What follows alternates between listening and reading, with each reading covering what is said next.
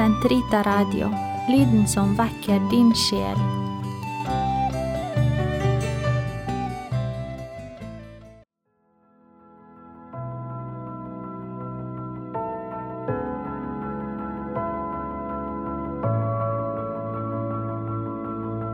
Hej och välkommen till 20 minuter med mig, Ulf Ekman. Det ska bli väldigt roligt att starta nu den här podcasten. Jag har sett fram emot det ett längre tag och eh, kommer samtala om en mängd olika saker som på olika sätt har anknytning till den kristna tron. Så nu sätter vi igång.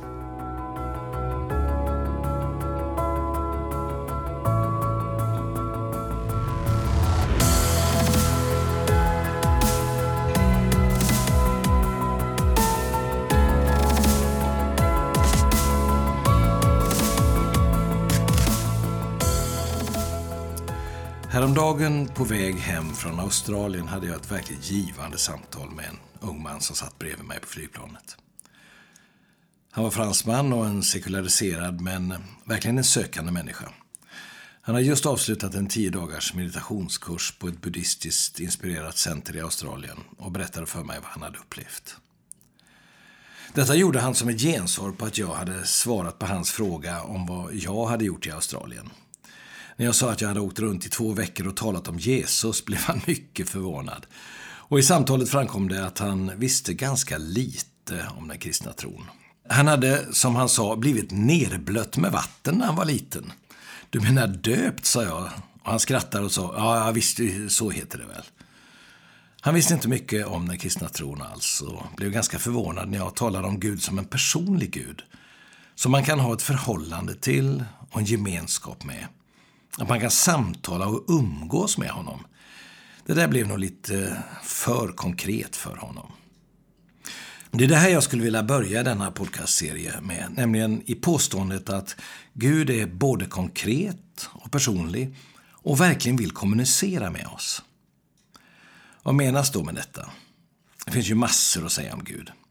Men jag skulle vilja koncentrera mig på tre grundläggande saker Nämligen att vi kristna påstår och tror att Gud är skapare. Att han är fader och att han är kärlek. Och vi börjar med skapare. Jag citerar från Apostlagärningarna. Där står eh, aposteln Paulus eh, predikar och i Apostlagärningarna 17 och 24 så står det så här. Väldigt kortfattat och pregnant. Gud är den som har skapat världen och allt som är i den. Det betyder i skapelsen, i den värld som vi känner runt omkring oss, i mitt eget personliga liv, så finns det en viss ordning, det finns ett mönster, en tanke, ett syfte som det faktiskt går att få kunskap om. Kristna tror att skapelsen är god, inte ond. Den är full av skönhet. Trots att det finns mycket i den som verkar irrationellt och faktiskt ont också, vi kommer till det här lite längre fram, så är den trots detta god i grunden. Och det finns ett grundmönster av meningsfullhet som det faktiskt går att upptäcka. Att se och hitta detta mönster tillhör varje människas uppgift och har med meningen i livet att göra. Gud har lämnat sitt avtryck i skapelsen så att man kan se, upptäcka och förstå att han verkligen har skapat allt. Att han har skapat allt innebär att han har skapat mig. Och att han har skapat mig innebär att det finns ett syfte med mitt personliga liv.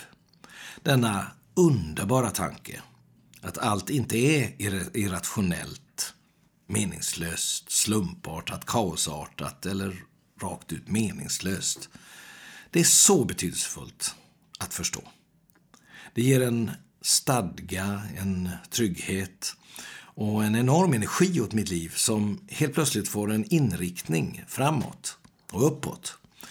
Inte vilken inriktning som helst, utan en inriktning som är förenad med det höga syfte, det högsta syfte som du och jag faktiskt är skapade för. Ett annat och egentligen helt revolutionerande uttryck som vi använder när vi talar om Gud är ordet fader, eller far, pappa. Det är ett uttryck som Jesus ofta använder. Och han lär oss i bergspredikan att be på detta sätt i faktiskt världens mest berömda bön. Nämligen bönen Fader vår. Fader vår som är i himlen. Helgat var det ditt namn. Att Fader är Guds namn.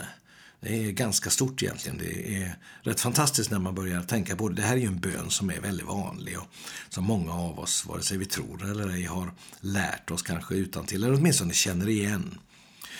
Och att Jesus här säger i bergspredikan, som ju är hans mest berömda predikan, att ni ska be på det här sättet, säger han. Ni ska alltså vända, vi ska vända eh, vårt inre, våra hjärtan, eh, våra tankar ut mot Gud, upp mot honom. Det är ett uttryck som Bibeln använder så många gånger. Och kalla honom för vår fader. Eller min fader. Men det ligger en poäng i att det, är, att det är vår, för vi är många tillsammans. Och det är en sak som vi kommer att tala om lite längre fram. Fader vår, som är i himlen. Helgat var det ditt namn. Rätt förstått så ger uttrycket fader bilden av en familj. Det är också så att Bibeln beskriver människans rätta relation till Gud som ett barn till en far.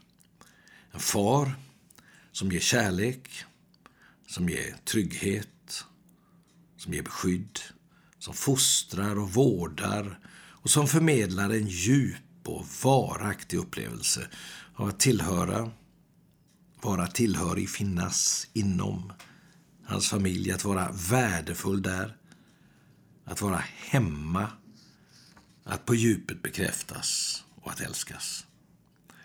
Detta är nog det djupaste och viktigaste i den kristna tron. Att vi som människor kommer hem. Och det är ett uttryck som är värt att smaka på faktiskt. Vad innebär det egentligen att komma hem? Hem till far, hem till familjen. På det djupaste sätt så är det faktiskt det vi alla längtar efter. Och det innebär att vi, när vi kommer hem, blir hela. Att få del av en fullhet. Att finna vårt egentliga sammanhang. Att nå vår egentliga och yttersta destination. Vår egen ödesbestämmelse och vår identitet. Det här är vad varje människa djupast längtar efter. Det är vad kristna tror. Att vi har denna längtan och den delar vi med alla människor överallt. Vår identitet på gott och ont formas och utvecklas i våra hem. I familjen där all kommunikation och all relation egentligen börjar. Splittring och kaos i hemmet ger oss bestående men och skapar förvirring i oss och gör oss på olika sätt dysfunktionella, vilket vi kanske alla är på olika sätt. Att vara utanför och gå miste om vårt livs mest grundläggande familjerelation, nämligen relationen med Gud, skaparen, Fader vår. Han som har skapat oss för att vi ska kunna ha gemenskap med honom som vår far. Att gå miste om detta gör att vi, hur trygga och framgångsrika vi än verkar vara i förhållande till andra och ute i samhället, i det offentliga livet, där vi kan visa upp oss, gör ändå att vi går miste om något mycket väsentligt, ja det väsentligaste överhuvudtaget i vår tillvaro, i vårt liv. Något djupt identitetsskapande, nämligen att vi som människor är skapade till att leva med och umgås med den levande guden. Det finns så mycket som kan bryta ner vår egentliga och vår genuina identitet som gör att vi istället bygger upp falska masker, klär oss i falska masker, bygger upp en falsk identitet, skapar en ytlig bild av oss själva som förfuskar livet istället för att göra det äkta och autentiskt. En sådan sak är överindividualism. Det gör att man egentligen inte har någon djupare kontakt eller identitet med andra. Utan istället så kommer livet mest att kretsa kring mig själv, att handla om mig. att handla om mig själv. Andra blir på olika sätt instrument och medel för min personliga lycka. Och jag frestas att ständigt sätta mig själv först och främst. Det andra är konsumismen och den blir ett gissel. Jag börjar leva genom vad jag äger, vad jag köper, vad jag har ekonomisk förmåga och råd med. Vilka märkesvaror som jag bara måste ha för att kunna bli bekräftad av andra. Tingen blir ett slags frälsningsmedel för att kunna förverkliga mig själv och materialismen blir en frälsningslära. Det tredje det är behovet av bekräftelse. Detta att ständigt söka uppmärksamhet och andras applåder. För att själv må bra, eh, för att själv bli accepterad, för att kunna vara liksom i en innekrets. Man blir slav under andras åsikter. Man blir verkligen politiskt korrekt. Och man gör allt för att vara med i den här kretsen. Och då blir det lätt att man säljer ut sin själ för att kunna bli sedd och älskad och bekräftad. Det fjärde. Om det första var en överindividualism och det andra konsumism och det tredje bekräftelse. Så det fjärde är nästan då resultatet av det här. Eh, det är rastlösheten. En ständig jakt på nya upplevelser, nya bekräftelser. Det gamla duger aldrig. Allt måste ständigt förändras och förnyas. Inget tillfredsställer på djupet. Man jagar ständigt vidare eftersom ingenting är stabilt eller varar i längden. Du har skapat oss till dig och vårt hjärta är oroligt tills det finner vila i dig. Det sa redan Augustinus i slutet av 300-talet i världens mest kända självbiografi. Bekännelser heter den. Duger att läsa än idag. Otroligt aktuell idag. Allt det här som kretsar kring egot, som kretsar kring mig själv, allt detta skapar ju efter ett tag alienation och hemlöshet, förvirring, osäkerhet och faktiskt en djup otillfredsställelse. Och väldigt ofta så blir det grogrund för en genomträngande fruktan som finns där i bakgrunden och lurar. Inte minst blir det så därför att inget är ju faktiskt bestående. Det är ju, det är ju så att det verkar som ingenting vilar på stadig grund och allt kan, bara genom ett nyckfullt vindkast, totalt förändras eller slås i spillo. Så det verkar som fruktan är vår arvedel och på många sätt präglar och gisslar våra liv. Därför är det intressant att lyssna på aposteln Paulus. Han säger i Romarbrevets åttonde kapitel och den femtonde versen. Ni, ni har inte fått slaveriets ande så att ni på nytt skulle leva i fruktan. Nej, ni har fått barnaskapets ande i vilken vi ropar Abba fader. Med andra ord, barnaskapet, alltså denna djupa tillhörighet och trygghet som det innebär att Gud är vår far och vårt eget hjärtas inre gensvar till honom som raserar denna fruktans, dessa fruktans murar som sliter sönder i vårt inre. Vi upplever genom Andens hjälp att vi hör hemma hos Gud. Och det sliter av fruktans bojor i våra liv. Detta är Andens verk i Guds barn. Och Andens verk överhuvudtaget ska vi också återkomma till i ett senare inslag av den här podcasten. Så det första, det var alltså att Gud är skaparen.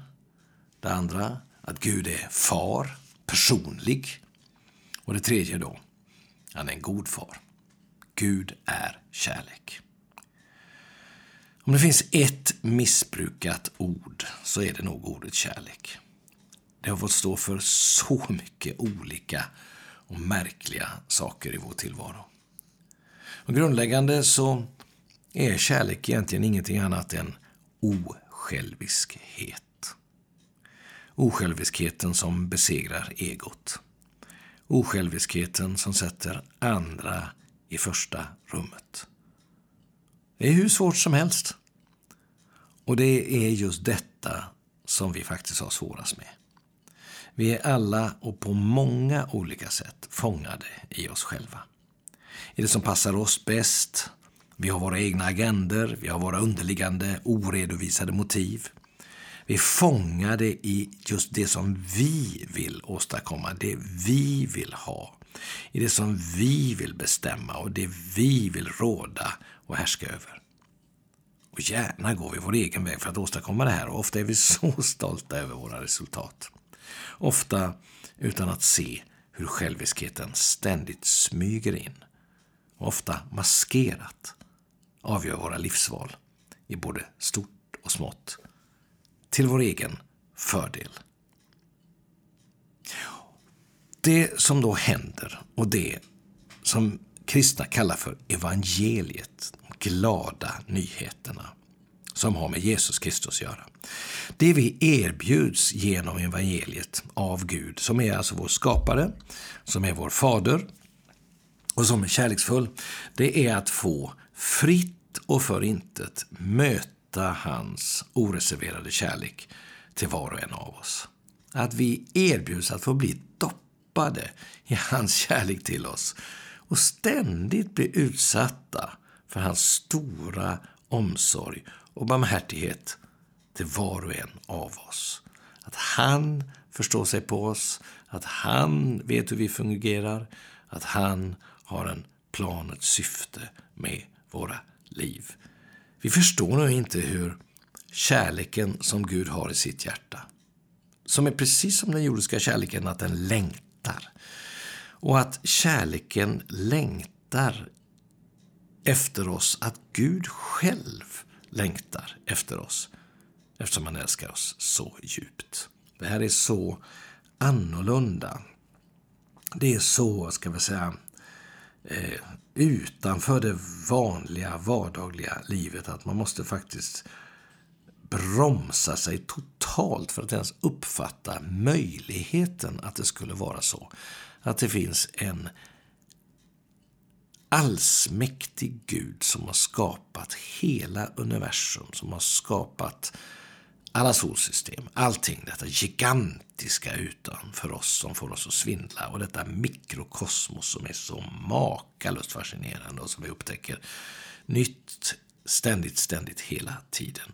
Att detta liv där vi känner oss som små myror, som små myggor, som ingenting, som kanske minneslösa sandkorn på ett meningslöst sandstrand vid ett meningslöst hav, kaosartad tillvaro. Att ändå är det så att vi av någon outgrundlig anledning som kallas nåd, barmhärtighet och kärlek är utsatta för denna kärlek som strålar emot oss, som strömmar emot oss som livgivande vatten från ett faders hjärta som har öppnas mot oss, som har skapat oss och som älskar oss och som inte vill någonting annat än att hjälpa oss, umgås med oss och leda oss genom livet så att vårt liv blir det som det var ämnat att det skulle vara.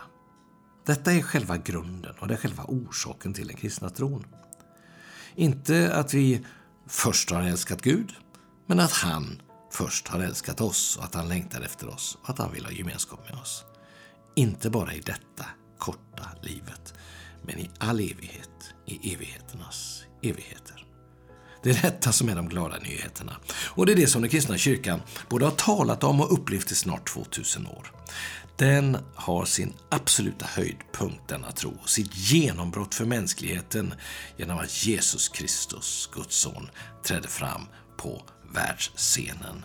Vem han var, vad han gjorde och vad det har för effekt på oss, det ska vi tala om i nästa podcast. Tack ska du ha.